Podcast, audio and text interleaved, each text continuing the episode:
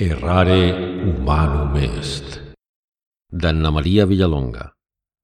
Dins Els crims nostrats. Edició Xandri 2015. Narració Maribel Gutiérrez. Mossèn Tomàs, bisbe i segrestat, Miquel Llobera. Assassí, Josep Sobrevia. Periodista, Francesc Martí. Angelet i Dimoniet, Bruna i Martí Pastor. De En veu alta, enveualta.cat. Música, tema principal, Marxa fúnebre en do menor, de Felipe Gorriti.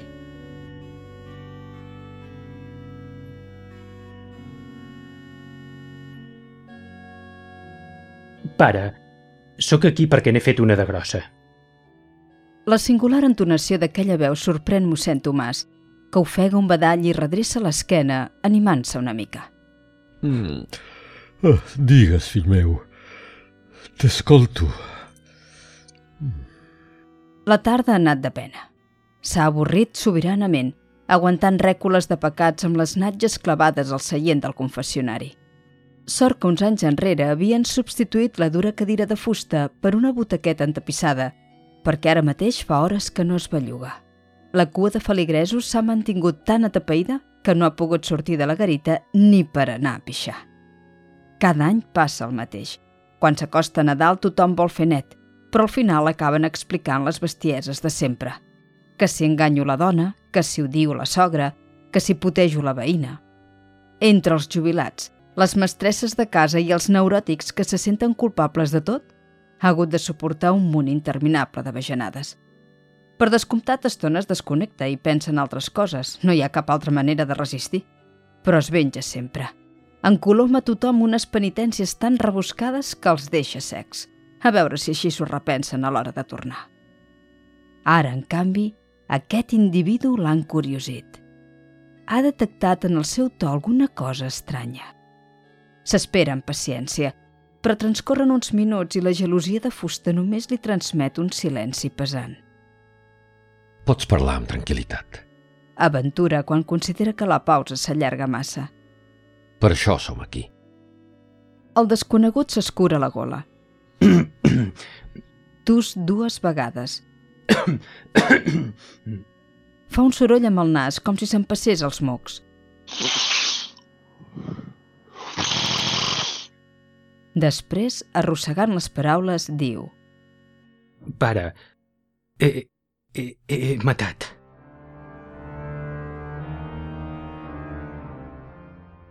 Mossèn Tomàs s'espavila del tot. Li sembla que no ho ha sentit bé.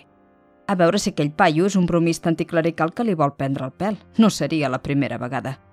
Un cop va venir un desaprensiu que pretenia fer-li creure que havia ruixat tota l'església amb gasolina.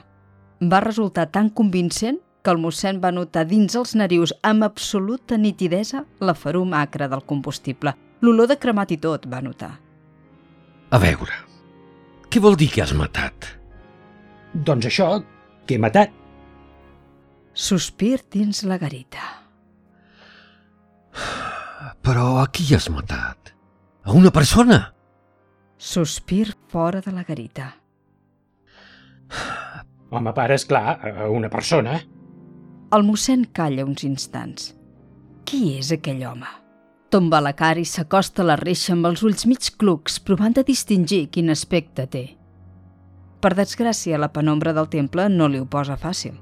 A més, el carrer ja és fosc, de manera que els rosetons i els vitralls no filtren cap llum de fora. Entre les ombres tremoloses del titilar de les espelmes, el capellà tan sols entrelluca i a dures penes una figura alta i prima, impossible d'identificar. Fill meu, això que dius és molt greu. M'ho vols explicar? He matat una dona. Quina dona? La teva? No, no, jo no en tinc de dona. N'he matat una que he vist pel carrer. Mossèn Tomàs es frega els ulls. Allò és real o estàs somniant? Explica't millor, fill. Estàs segur del que dius? Pensa que estàs confessant una cosa molt grossa. Sí, ja li he dit que era molt grossa. Per això he vingut. Va ser ahir. Vaig matar una dona que sortia d'un bar. Anava sola i era rossa, molt guapa. M'hi vaig acostar, la vaig arrossegar un carreró fosc i la vaig estrangular amb les meves mans. Mossèn Tomàs no acostuma a dir grolleries, però ara se li escapa un Collons! que li raja de l'ànima. I per què ho has fet, això? Què t'ha passat pel cap? No ho sé, la veritat. No ho havia fet mai. La noia s'assemblava a la mala puta que em va enganyar fa uns mesos. A la tia que em va prendre el pèl, que em va trair. Però no era ella, només s'hi assemblava. S'hi assemblava molt. Potser va ser per això que em va agafar un rampell tan bèstia. La vaig mirar i em va fer ràbia, molta ràbia. Vaig anar cap a ella i abans que me'n pogués adonar, pim-pam, tot s'havia acabat. Mossèn Tomàs no se'n sap a venir. Pim-pam, però què diu aquest home? La situació és absurda i desagradable. Quasi s'estimava més aguantar els neuròtics. Voldria l'absolució, pare. El perdó de Déu. Li juro que no ho faré mai més. El clergue intenta ordenar les idees. Uh, a veure, fill. Tu ja saps que Déu és misericordiós i perdona sempre els pecadors. Però les coses no són tan fàcils. Has d'anar a la policia i confessar.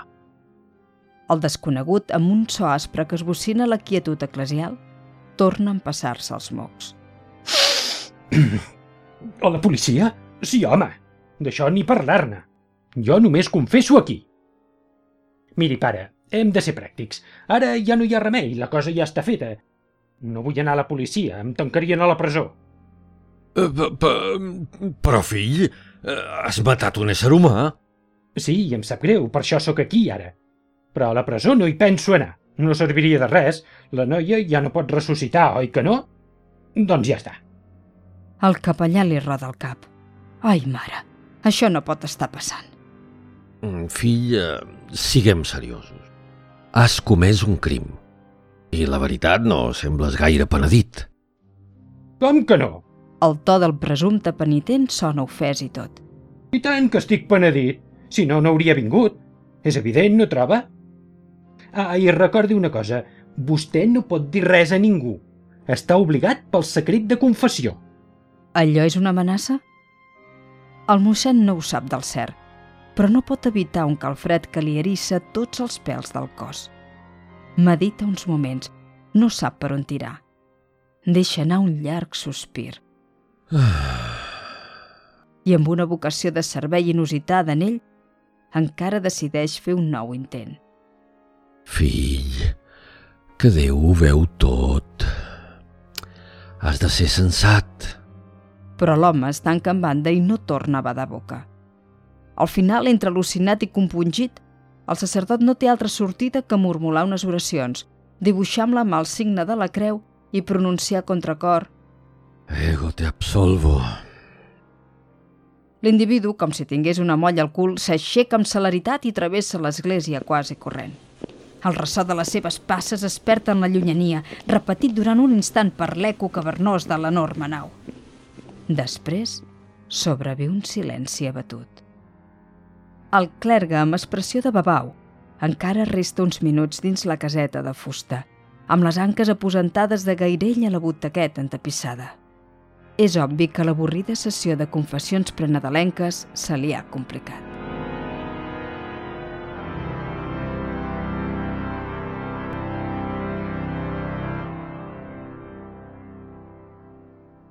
Quan arriba a casa, només a dues travessies de la parròquia, s'afanya a engegar la tele i a connectar l'ordinador. Necessita urgentment assegurar-se que aquell estrany personatge no li ha aixecat la camisa. Si una dona ha aparegut estrangulada a la ciutat, els mitjans se'n faran ressò de seguida.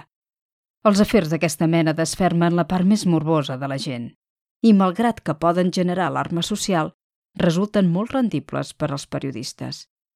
Repassa correcuita els diaris digitals mentre para l'orella al so de la televisió, que justament ara emet la sintonia del telenotícies de la nit. La modulada veu del presentador no triga a pronunciar amb total claredat.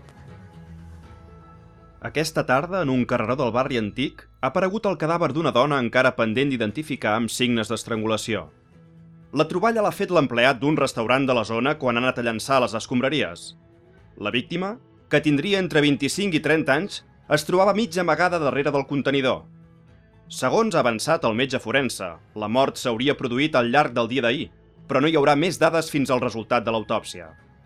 La policia científica es troba en aquests moments en el lloc dels fets després que el jutge autoritzés l'aixecament del cadàver i el seu trasllat a l'Institut Anatòmic Forense. De moment no tenim més notícies sobre aquest trist esdeveniment, però continuarem informant. Mossèn Tomàs ja en té prou. No li cal sentir res més. Ara ja sap que el desconegut que se li acaba de genollar dues passes, tot llançant-li l'alè pels foradets de la reixeta, li ha dit la veritat. Ha assassinat amb les seves mans una noia indefensa. I ho ha confessat sense gaires carafalls, donant per suposat que Déu l'havia de perdonar lliuret facto i que amb això ja n'hi havia prou. No ho faré mai més, ha dit, com si fos un nen que s'ha fartat de caramels o un adolescent que s'ha fumat el primer porro. Però quina barra, quina barra! El capellà passa la nit neguitós. No pot deixar de donar-hi voltes. Els seus vots sagrats inviolables l'obliguen a mantenir el secret de confessió peti qui peti. Ideològicament, el tema dels vots li sembla una bona murga, però té clara una cosa. Si trenca el secret per anar a la policia, el bisbat se n'assabentaran i li etzibaran un bon càstig. Fins i tot el podrien expulsar de l'església. Seria terrible ara que és a punt de complir els 60 anys. No està disposat per res del món a posar en perill la seva confortable existència i molt menys la seva jubilació. Es consola pensant que no coneix la identitat del criminal, no sap qui és. Quan ha mirat per la reixeta, no l'ha reconegut. Un paio alt i prim, com qualsevol altre. Per tant, encara que volgués, no podria delatar-lo. Més val que no es capfiqui més, que ara venen dates assenyalades i té un munt de feina amb les misses solemnes i els oficis nadalencs. Les festes transcorren com sempre, pesades i previsibles, i el mossèn gairebé s'oblida de l'assumpte de la noia morta. No pot preveure que la seva rutina calmosa i acomodatícia tornarà a estroncar-se tres setmanes després, un dilluns havent dinat, mentre està pesant figues de magatotis arrepapat a la butaqueta. Enmig del suport, no s'adona que algú s'ha genollat a l'altre cantó de la gelosia, però de seguida li arriba el brugit inconfusible d'una sorollosa xarrupada de mocs. Obre els ulls de cop. Ai! Pare, i he tornat. Encara que allò dels mocs ja l'ha posat en guàrdia. Sentir altre cop la veu li arrenca del cos un espasme incontrolat. Els músculs del seu rostre es tensen en una ganyota esgarrifada. Però, fill, què dius? La inflexió desfermada, incrèdula. Això no pot ser! Sí, sí, si li explico és que pot ser. De fet, és. Però a veure, va de debò o m'estàs prenent el pèl? Pare, no l'entenc. Vostè creu que jo l'enganyaria en una cosa així? Es pensa que a mi m'agrada? Mossèn Tomàs fa un esforç per convèncer-se que pateix un malson. Segur que ha menjat massa i té una mala digestió. La situació no és real, no pot ser. De l'altre costat, però, li arriba un to ben autèntic, fins i tot una mica impacient. Què, vol que li expliqui o no? Em vas jurar que no ho faries més. Murmura el clergue. Un petit silenci. Molt curt. Sí, això és veritat. Volia complir el jurament, li asseguro, però no he pogut. La vida no és justa, pare. Ahir vaig veure una altra rossa que s'assemblava molt a la cabrona que em va trair, més que la primera i tot. Tenia els cabells igual. Igual! I, és clar la vaig haver de matar. Però, fill, tu ets un degenerat? O encara pitjor, un assassí en sèrie? Un assassí en sèrie? Vol dir? No ho crec, home. Només ho he fet dos cops. Dos cops? Apa, tan normal. El mossèn es frega els ulls, mut d'estupor. Però el desconegut, sense més dilació, comença a desgranar la seqüència dels fets. Que si la noia caminava pel carrer, bellugant sinuosament els malucs, que si la cavallera rossa li queia esquena avall com una cascada, que s'hi duia unes mitges negres que ressaltaven l'esbaltesa d'unes cames perfectament formades. Aquell boig, entre xarrups de mocs, es mostra molt més loquaç que el primer dia. Ara ja coneix el mossèn i sembla còmode i tot. Segons explica, ha estrangulat la noia amb la seva pròpia bufanda. No volia deixar empremtes. No podia permetre's les mateixes matusseries del dia del debut. Un cop morta, l'han taforat al fons del contenidor d'un edifici en construcció, colgada sota un munt de deixalles i runa. No dubto que la trobaran, és clar, però trigaran més. Mossèn Tomàs no dona crèdit. Ha de lluitar fortament contra el desig de sortir del confessionari. Necessita contemplar cara a cara aquell fill de puta.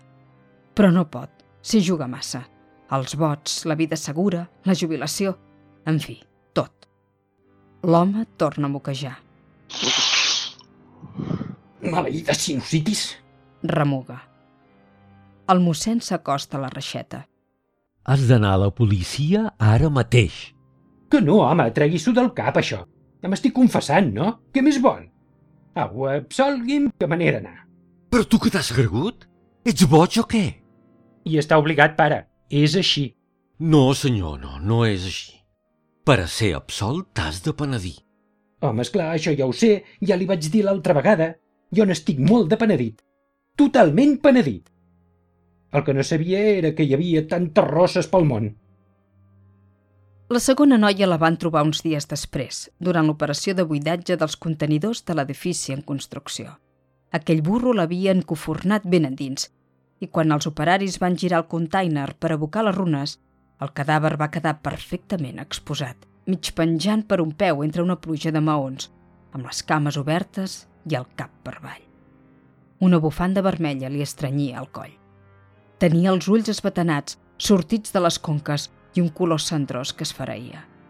Les imatges aterridores es van passejar ipso facto per tots els mitjans de comunicació. El mecanisme de l'alarma social s'havia engegat.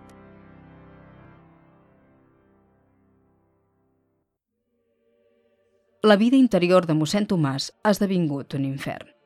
No fa altra cosa que pensar i repensar en la terrible confessió que guarda dins. Té els nervis a flor de pell i a les nits no aconsegueix dormir. Escolta la ràdio, llegeix els diaris, consulta internet, segueix els telenotícies. Fins i tot s'ha fet addicte a algunes tertúlies tipus reality, on se sol parlar del cas. Vol conèixer totes les novetats. Necessita saber si els policies avancen en la investigació, si han fet algun descobriment, si sospiten d'algú. Ha agafat una por cerval a ficar-se a la carita, però no pot evitar complir amb la feina, de manera que sempre viu amb l'ai al cor, assetjat per la temença i el pànic. Es guarda de reull amb desconfiança les ombres dels parroquians que s'agenollen al confessionari. Quan li sembla que la silueta és alta i prima, comença a tremolar. Té una cosa clara. Deixant davant dels vots, la jubilació i etc., si aquell paio torna, no ho podrà ignorar. I efectivament, el paio torna. El dissabte següent, a mitja tarda. Cada cop ve més sovint. Pare, n'he mort un altre. Però, fill, que ja en van tres. Sí, sí, tres. Però què vol que hi faci? Hi ha moltes rosses pel món. Aquesta tenia els cabells llarguíssims, semblava una mala puta. Una petita pausa. Mocs amunt. Sóc un assassí en sèrie, d'acord, no cal que m'ho digui. Però l'important és que després me'n penedeixo i vinc a demanar perdó. Mossèn Tomàs gairebé es desmaia, però mecànicament compleix amb el ritual de l'absolució. Necessita estar sol. Vol temps per pensar. Tot allò ja passa de mida. No pot permetre que aquella salvatjada continuï endavant. Durant la nit, assaltat per un vaivé de dubtes i d'incerteses, acaba prenent una decisió. L'endemà és diumenge i té la missa, el sermó i tot plegat, però dilluns sens falta anirà a parlar amb el bisbe. Li comentarà el problema, encara que només pugui insinuar-li la veritat. A veure si l'Església té previst algun recurs per casos així. Per desgràcia, o per sort, mai no se sap, les coses no acostumen a ser fàcils. El destí, capriciós entelèquia de difícil definició, és juganer de mena, de manera que diumenge, en plena missa, es permet donar un tom a la història i canviar-li les cartes a l'atribulat capellà. L'església està mig buida. Una criatura plora cor que vols i una senyora extremadament grassa, asseguda al primer banc, badalla amb la boca molt oberta com un peix a punt d'ofegar-se. Mossèn Tomàs, mentre endega a l'audiència un sermó sobre el lliure albir que ja fa un grapat d'anys que se sap de memòria, li dirigeix una llambregada. Mare meva, si quasi li distingeix la campaneta. Quina fila que fa. Amb lentitud de tortuga, l'ofici tira endavant. Arriba el moment de l'Eucaristia, el Corpus Christi, la sang, el glob de vi, les hòsties. Uns quants feligresos, més o menys una vintena, es col·loquen en disciplinada filera per rebre la comunió. Predominen les dones i la gent gran. Formen un grup bastant tristoi amb robes fosques i cares de fàstic. Cada setmana el mossèn es pregunta per què venen i sempre conclou No deuen tenir res millor a fer. tot d'un es produeix un embolic. La dona grassa que s'ha entestat a ser la primera s'ha quedat entrevessada per allà al mig, col·lapsant el camí per on han de passar els fidels després de combregar. Un escolanet, amb la diligència de la jovenesa, baixa de l'altar, agafa la dona pel braç i estirant-la sense gaires miraments, aconsegueix desembossar el corredor. Després, l'empenya amb pressa cap a un banc de la dreta. La dona rebufa i es frega el braç. Coi, aquest marrec li ha fumut una bona estrabada. El mossèn ho contempla amb el rostre esgotat. Quin dia, Somica interiorment. quin dia. A poc a poc, però, la cua comença a avançar. El cos de Crist, Amén. el cos de Crist, Amén. el cos de... L'esgarip d'uns mocs pujant amunt i avall estremeixen mossèn Tomàs, que aixeca la mirada precipitadament mentre l'hòstia que té a la mà, la sagrada forma, és a punt d'escolar-se-li entre els dits i caure a terra. Davant seu s'erigeix en tota la seva estatura la figura d'un home alt i prim, vestit amb una camisa de quadres i un abric negre. Aparenta uns 40 anys i té els ulls enrogits. El nas li raja, però d'un mocador de paper i es moca amb fruïció, sense reparar en el soroll que emet. Un soroll desagradable que retrunya en el silenci i rebota aquí i allà per totes les parets del temple. Al mossèn li sembla una aparició sobrenatural, una mena de monstre que s'allarga cap amunt, ossut i sinistre. Atabalat, intenta prosseguir amb la cerimònia, però la veu no li surt del tot. El cos de... El desconegut té els ulls tancats, la boca oberta i la llengua fora. Quasi es diria que mostra un posat de recolliment reverencial. És evident que està esperant la forma, però, com que passen uns llargs instants i la forma no arriba, acaba obrint els ulls i contemplant el mossèn amb un esguard d'interrogació. El capellà sembla neguitós, però li sosté la mirada. Primer amb recança, després amb una certa curiositat i, finalment, amb una atenció decididament palpable. Ulls contra ulls, els dos homes es repten, s'examinen. Mossèn Tomàs torça imperceptiblement el cap, amb un moviment que es dirigeix al racó on es troba el confessionari. L'individu, que encara té la boca oberta, amaga la llengua, s'empassa els mocs i gira la vista cap al mateix racó. S'encongeix lleument d'espatlles. Què vol el mossèn saber si s'ha confessat? Sí, és clar, confirma amb un gest una mica estranyat. Ja li pot donar l'hòstia. Està en pau amb Déu. Acabada la missa, el mossèn no s'entreté ni un minut. Té pressa per refugiar-se a la sagristia. Agitadíssim i entra i tanca la porta. Si vol reflexionar, necessita estar sol. Es deixa caure en un sillonet, en plen un got amb vi consagrat i la pura d'un glob. Després, reconfortat, sospira profundament. Ha passat molts nervis, però ara el domina una estimulant eufòria. Li sembla normal amb el cop de sort que acaba de tenir. Ha descobert la identitat del criminal i per a postres el coneix de fa temps. No hi ha parlat gaire vegades, però sap que viu al barri i que freqüenta l'església amb una certa assiduïtat. Al principi, obnubilat per l'ensurt, no l'ha reconegut, però després sí. No sap el seu nom, però és un parroquià més o menys habitual. El seu físic coincideix perfectament amb el de l'assassí, tan altíssim i tan prim, i té el nas ple de mocs sorollosos, com ell. Amb una mirada i un gest s'han entès a la perfecció. Quin moment més intens! Ell li ha assenyalat la garita i l'altre ha fet que sí. Ningú no ho ha notat, cap fort. La caseta de les confessions com a símbol del lloc compartit, de l'espai de confiança on el pecador ha reconegut els seus crims. Se sent alleujat. Ara ja sap per on tirar. Té més elements al seu abast i segur que serà molt més senzill parlar amb el bisbe. El bisbe el rep amb desgana i en fas de mostel l'esquiva, ben escarxofat darrere la taula del seu imponent despatx encatifat. Mossèn Tomàs s'escura la gola i balbuceja una mica. Vol exposar els fets amb mà esquerra, sense sobrepassar els límits permesos, però atorgant prou transcendència a la qüestió. uh, veurà, monsenyor. Necessito del seu savi consell. Si un sacerdot, diguem-ne com ara jo, esbrinés a través del sagrament de la confessió una cosa terrible, un pecat repetit i cruel que fa molt mal a les persones, molt mal, diguem-ne un mal definitiu.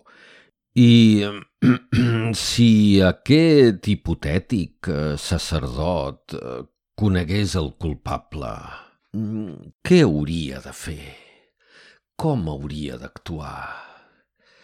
En un cas així, no estaria justificat prendre decisions extraordinàries?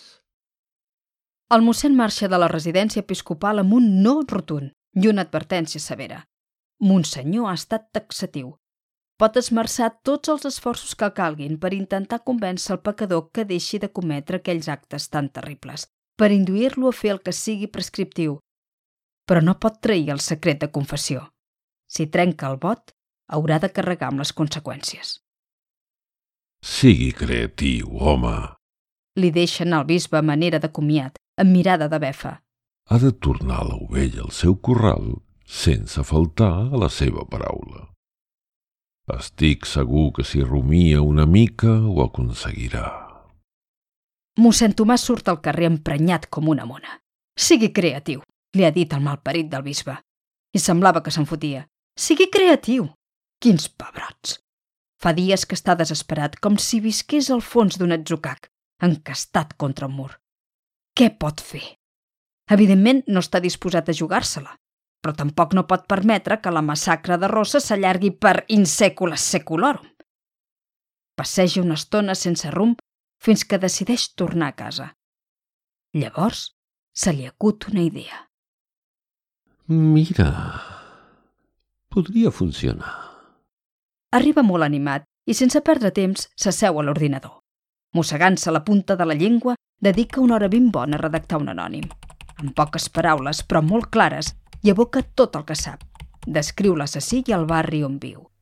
Assegura que ell no pot desvelar la seva identitat per motius personals, però que no menteix i que és una font honesta i de fiar. Rellegeix el text amb atenció, retoca quatre foteses. Sí. Li ha quedat impecable. Ara el farà arribar a tot arreu, a la policia, a l'Ajuntament, a la Guàrdia Urbana, al síndic de Greuges, si molt convé. No penses que timar recursos. És a punt de prémer la tecla d'enviar quan s'adona que l'està espifiant. Buf! S'ha aturat a temps. Que burro! No pot emprar la seva adreça de correu habitual. De seguida descobririen la procedència del missatge. Per força n'ha de crear un altre. Com li pot dir? Medita una mica, descarta algunes opcions massa críptiques i finalment es decideix per un nom prou clarificador. assassí de rosses arroba gmail.com Sí, és bona idea. Així que el rebin, per força els cridarà l'atenció. Quan ja ha fet els enviaments, se sent molt més tranquil. Ara ja està. Només ha de tenir una mica de paciència. En pocs dies, els policies faran les seves indagacions, enxamparan el criminal i ell podrà tornar a la vida de sempre, a l'espera calmosa de la merescuda jubilació. Per desgràcia, les coses no rullen com el clergue s'havia imaginat. Transcorren dues setmanes, inquietes i llarguíssimes, però cap autoritat no apareix pel barri. No ve la policia, ni la Guàrdia Urbana, no ve ningú. Mossèn Tomàs no para de resseguir les notícies, de treure el cap al carrer, de parar l'oïda per si se senten sirenes. Però res. Després de 15 dies, ha d'acceptar amb desànim que el seu anònim ha resultat absolutament inútil. El deuen haver pres per boig, com passa a les pel·lícules. Segur que n'han fet un bon escarni. Mireu, un altre tarat que s'inventa informació i es pensa que picarem. Deuen haver enviat el missatge directament a la paperera. Suprimir esborrar, buida. Així haurà anat. I mentrestant el criminal ha vingut a confessar que n'ha liquidat una altra, la que fa quatre. Entre xarrupades, ha explicat que aquest cop s'ha carregat un putot que feia striptease. Així ho ha dit, putot. L'ha vist ballar i despullar-se damunt d'un taulell elevat, recargolant-se provocativament contra una barra metàl·lica. Table dancing, es veu que s'anomenen aquests taulells. L'ha mirat a la cara i era igualeta que la seva ex. I apa, se l'ha endut al carreró fosc de darrere del local i l'ha estrangulat amb els sostenidors lluents de l'estriptis que la víctima duia a la bossa. Pim-pam! A falta d'un altre recurs, mossèn Tomàs, en silenci, això sí, només li faltava perdre la dignitat, s'ha posat a plorar. Quan l'assassí ha marxat, ell ja està decidit a intervenir. Aquella atrocitat és intolerable. No pot continuar sent el còmplice d'un serial killer. Si no hi posa fre, les rosses acabaran desapareixent de la faç de la Terra. Es tanca a casa i comença a pensar. Ni tan sols no dorm, només pensa. Fa un parell de dies que una nova idea li volta pel cap, però és molt arriscada i ha de madurar-la amb deteniment. La complexitat del pla exigeix una bona infraestructura. No es pot permetre deixar res a l'atzar. Tot ha de funcionar amb una precisió milimètrica. Dedica un munt d'hores a sospesar els pros i els contres del pla. En un plateret de la balança encara hi col·loca la possibilitat de renunciar a les promeses sacerdotals, però el resultat continua sent negatiu. Ningú no el recolza en aquesta opció. I no ens enganyem, ell mai no ha estat un fotut idealista. Ara no serà tan burro d'enfrontar-se a la diòcesi, posant en perill les prebendes de tota una vida. Al cap i a la fi, els seus mateixos superiors, càrrecs responsables del destí de l'Església, són els que el legitimen. Es tracta d'una posició egoista i poc humanitària? Potser sí. Reconeix encongint-se d'espatlles. Però no hi ha més. A l'altre plateret de la balança hi posa el seu pla. Agosarat i riscós, però intel·ligent i definitiu. Si funciona bé, i ell farà que així sigui, les rosses mortes s'hauran acabat. Al final de què va la cosa? De treure aquell home de la circulació perquè no pugui continuar matant, no? Doncs ja està. Amb escrupulosa meticulositat, absolutament absort, pren nota de tots els detalls del pla. Apunta horaris, fa una llista exhaustiva dels objectes que necessita, preveu imponderables, Revisa una i mil vegades les fases previstes i les passes a seguir. Està convençut que rotllarà. Se sent com un conspirador, com un salvador del món, com un croat a Terra Santa. Uau! Com a primera providència, ha esbrinat a través d'una veïna el domicili exacte de l'assassí, perquè sabia que era del barri però no coneixia la seva adreça. No li ha costat gens. La descripció era clara. Alt, prim i sempre refredat. Identificació inequívoca. La veïna també li ha confirmat que viu sol. Segons ha dit, li sembla que no té família, si més no a prop. Per al mossèn, això és un gran què. Ho prepara tot sense perdre ni un dia, una mica contra rellotge. Ara que ja s'ha embrancat en el projecte, vol evitar que es produeixi un cinquè crim. Per tant, un cop adquirit i disposat tot el que li fa falta, es posa en marxa. S'ha vestit adequadament per a l'ocasió, tot de negre, pantalons negres, guants negres, sabates negres, jersei de coll alt negre. Fins i tot té un passamuntanyes model terrorista, també negre. De moment se l'ha ficat a la butxaca, és clar. Encara que pensa actuar de nit, no pot anar pel carrer cridant l'atenció. Només l'usarà en el darrer moment. Du una petita motxilla a l'esquena, negra per descomptat, amb els estris necessaris, i una clau enorme d'aspecte antic penjada al coll amb una cadena gruixuda. Abans de sortir al carrer es mira al mirall amb ull crític. Li agrada el que veu. No pot evitar pensar Carai, que bé que em queda. Ningú no em faria l'edat. Sembla un lladre d'aquells tan refinats que roben els museus. M'encanta. Tot seguit, però, desterra amb severitat aquell pensament superflu. Es renya a si mateix. Tomàs, estigues pel que has d'estar, que sembles una criatura. Quan el rellotge de la parròquia toca a les 12, amb campanades tan clares que fan tremolar els estels, el mossèn surt de casa. La nit és freda i la lluna primíssima, com una tallada de meló. Els carrers estan pràcticament deserts. Tot i això, ell camina amb molta precaució, enganxat a les cases, gairebé fregant els murs dels edificis. Avança de pressa i amb el cap cot, procurant ocultar el rostre. no es pot arriscar a ser reconegut. En pocs minuts arriba al seu destí. De moment s'amaga darrere d'un plafó publicitari per observar amb calma el lloc on viu l'assassí de Rosses. És una caseta baixa amb una porta que s'obre directament al carrer. Se'n conserven força en aquell barri encara allunyat de l'especulació urbanística d'altres zones de la ciutat. El mossèn constata que la furgoneta que té preparada, imprescindible per al pla, es troba perfectament aparcada una mica més enllà, on l'ha deixat al matí. Torna a mirar la casa. Hi ha llum a la finestra. Molt bé. És un bon principi. No pot negar que està un pèl nerviós. Qui no ho estaria en aquelles circumstàncies? A més, té aquells dos personatges enganxats a les orelles, aixordant-lo sense descans des que va decidir tirar endavant la idea. A la dreta, un torrecollons d'aura daurada, amb túnica blava. Què coi estàs fent? Has de ser assenyat. T'has tornat boig o què? Mira que ets un capellà. Ets al món per fer el bé. A l'esquerra, un de vermell amb forca i cua que insisteix en to meliflu. No tens altre remei. Fes-ho i et sentiràs millor. S'ha de ser atrevit, home. És la solució adequada. No hi donis més voltes. Sigues valent. Tira, tira. Està tip de sentir-los, però el record dels quatre crims i la certesa que continuaran el fan dubtar poc. A més, amb sinceritat, ell no té precisament un historial d'èxits a l'hora de resistir-se a la veueta vermella. Mira al voltant per assegurar-se que no hi ha ningú a prop. El carrer, malgrat que la primavera és a punt d'arribar, està glaçat i buit, detingut en el temps. Quin hivern més llarg. El mossèn es pren un minut per agafar embranzida i deixar anar un sospir que li puja com un estrip del sot més recòndit de les entranyes. Es calça el passamuntanyes, es col·loca ben centrats els forats dels ulls, només li faltaria no guipar-hi bé. I treu un objecte de la motxilla que subjecta fortament amb la mà dreta. Després comença a avançar resoludament cap a la caseta del criminal. No veu cap timbre, de manera que decideix picar la porta amb els artells.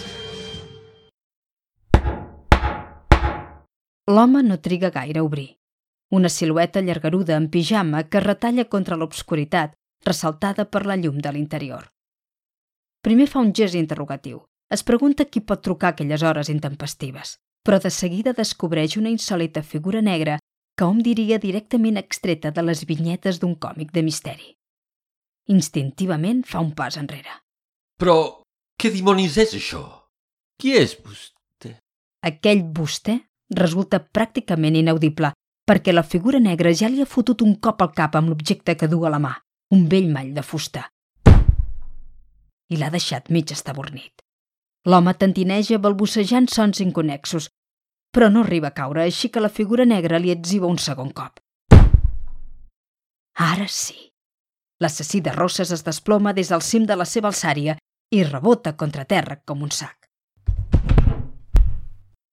Mossèn Tomàs no perd ni un segon. Ho té tot calculat. L'arrossega a l'interior i s'ajupa al seu costat. Li sembla que no respira gaire bé. Normal, sempre té el nas tapat. Tot i això, no es pot arriscar. Es podria xuribir i començar a cridar. El mossèn obre la motxilla i prepara el material que necessita. Fa un manyoc amb un mocador i l'entafora dins la boca de l'home. Després l'emmordassa amb un tros de precinte industrial. Realment la de coses que s'aprenen a les pel·lícules. Agafa un llarg feix de corda i lliga l'home ben estret, enrotllant-lo de dalt a baix, els braços a banda i banda del cos i els turmells fins a mitja cama. S'atura una mica i l'observa, satisfet del resultat. Sembla una estranya crisàlida, el capoll d'un cuc enorme. Bé. De seguida deixa de mirar-lo. Té clar que no es pot entretenir. Es posa d'en peus, ajusta la porta i surt al carrer. S'acosta de pressa a la furgoneta. Treu la clau de la butxaca dels pantalons, obre la portella i s'hi enfila. La furgoneta no és seva, li ha deixat en Vicenç, el paleta que s'ocupa de les reparacions de la parròquia. El mossèn li ha dit que la volia per repartir a les residències d'avis de la ciutat les donacions de roba usada que els fidels havien fet per Nadal. S'atura davant la casa sense parar el motor, obre el darrere del vehicle i torna a ullar al voltant. Està tenint sort. No hi ha ningú, però li sembla lògic. Són les tantes de la nit i fa un fred que pela. Entra a la caseta i, sense dilació, comença a arrossegar el capoll. No havia previst que un home inconscient de tanta estatura seria un pes mort quasi impossible de manejar. Ha comès un claríssim error. No el podrà pujar sol a la furgoneta, ni pensar-ho. Com s'ho farà? S'aixeca el passamuntanyes sense treure-se'l del tot. Està suat i li fa nosa. El passamuntanyes li queda arrugat damunt la closca com un munyo de llana negra. El mossèn reflexiona a tota velocitat, molt neguitós. Al final, té una idea. A la cuina hi troba una olla bastant fonda, l'emplena d'aigua freda i sense pensar-s'ho dues vegades la boca directament a la cara de l'hostatge. A l'instant l'home obre uns ulls com taronges. Intenta cridar, però la mordassa li ho impedeix. Terroritzat, descobreix el capellà, que encara va amb la cara descoberta, i se'l mira amb incredulitat, desbordat pel pànic com si fos una aparició fantasmal. Mossèn Tomàs no està per orgues. Apa, aixeca't i vine amb mi. L'home no dona crèdit. Els seus ulls ja no semblen dues taronges, sinó dues síndries. Què t'estic dient? Belluga't, de pressa. Això ja s'ha acabat, ja no faràs més mal. Au, posa't dret. L'ajuda prenent-lo de les aixelles fins que, no sense dificultat, al final s'alça. Aleshores l'empeny cap a la porta i el fa sortir al carrer.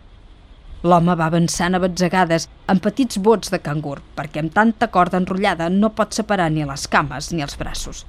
Més mal que bé, el mossèn continua empenyent-lo fins que al final aconsegueix que pugi a la part del darrere de la furgoneta. Mira tot arreu amb aprensió. Han trigat massa, els haurà vist algú? No, li sembla que no. S'afanya cap a la porta del conductor, puja a la furgoneta i s'allunya tot drap carrer avall. Del darrere li arriben uns sorolls sufocats. Mm, mm. Calla, fill. Em sap molt de greu, però comprendràs que alguna cosa havia de fer. No podies continuar matant rosses, sine die. Tu mateix m'ho vas dir, que jo no podia trair el secret de confessió. Ho vaig consultar al bisbe i tot, no et pensis, però em va contestar que ni parlar-ne. Per tant, havia d'intentar alguna altra cosa. Sé que ara tens por, però no pateixis, et tractaré bé. I estic segur que després m'ho agrairàs. Mentrestant han arribat al seu destí. El trajecte era curt. El mossèn estacionat a la part de darrere de l'església. Baixa i obre la porta posterior del vehicle. El criminal sembla desesperat. Quin poc estómac per ser un assassí tan bèstia. Té el cabell xop de suor i la cara congestionada, inflada i roja com un tomàquet, els ulls fora de les òrbites destaquen a la nit com dos cercles de foc. Les venes de les temples d'un color violeta fosc li bateguen ostensiblement com si estiguessin a punt de rebentar, i les aletes del nas li tremolen amb un so ronc, agònic. El mossèn s'espanta una mica del seu aspecte, però no atura els plans. Està decidit a evitar la matança de rosses, de manera que torna a empènyer l'hostatge que gairebé no s'aguanta dret, i el fa esperar un moment al seu costat es troben davant d'una contraporta de fusta gruixuda, mig amagada entre les pedres de la façana posterior de l'església. El mossèn es despenja l'enorme clau que porta al coll i la fica dins del pany. La contraporta s'entreobre lentament, amb un nyec d'ultratomba que, per què no acceptar-ho, fa faradat.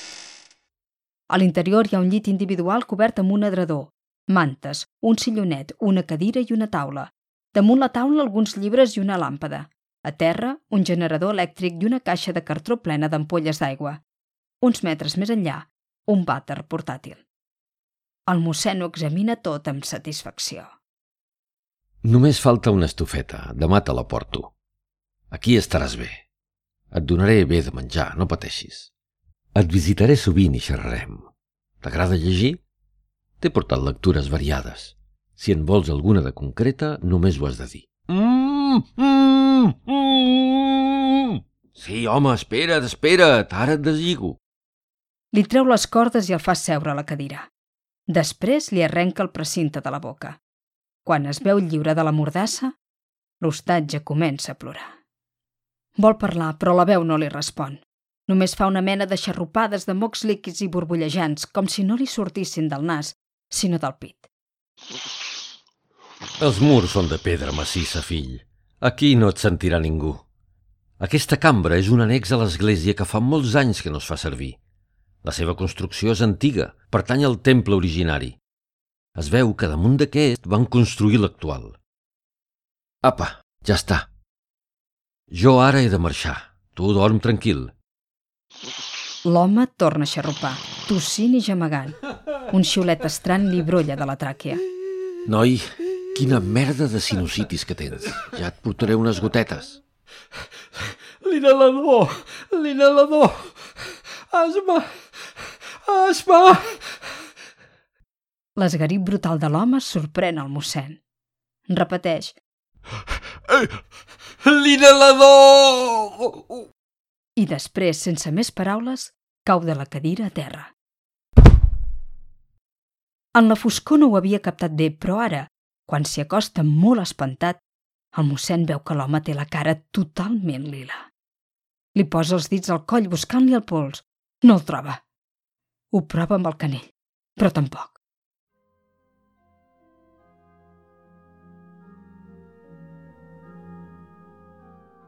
Mossèn Tomàs es relaxa a la butaqueta, protegit per l'aïllament de la garita de fusta. Ha estat horrible, és veritat. Però no se sent responsable del tot. Primer sí. Primer va pensar que l'home s'havia mort per culpa seva, per falta d'aire.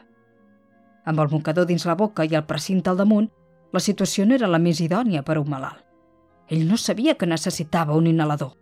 Mai no va veure que el fes servir mentre es confessava. Si ho hagués sabut, n'hi hauria portat un. Al cap d'uns dies, però, ha començat a comprendre que tot va bé. L'alleujament l'ha dominat. El problema no es podia haver resolt millor. La solució definitiva. Aquell home era un serial killer sense ganes de deixar de matar. La idea de retenir-lo dins la cambra oculta era bona, però a la llarga hauria esdevingut feixuga i no ens enganyem, una mica perillosa. Sens dubte, l'inesperat desenllaç després de l'ensurt inicial havia resultat providencial. Ara només li faltava una cosa – trobar la manera de desfer-se del llargarut cadàver que després de dues setmanes s'estava podrint allà tancat ple de mosques i podia de mala manera. No sabia com fer-s'ho tot sol. Ho havia intentat, però pesava tant. Algú s'ajup rere la reixa. El mossèn obre els ulls. No és hora de confessió, però de vegades els feligresos ja ho tenen, això. Amb la pressa de deixar en els pecats, no respecten els horaris. Tu diràs, fill.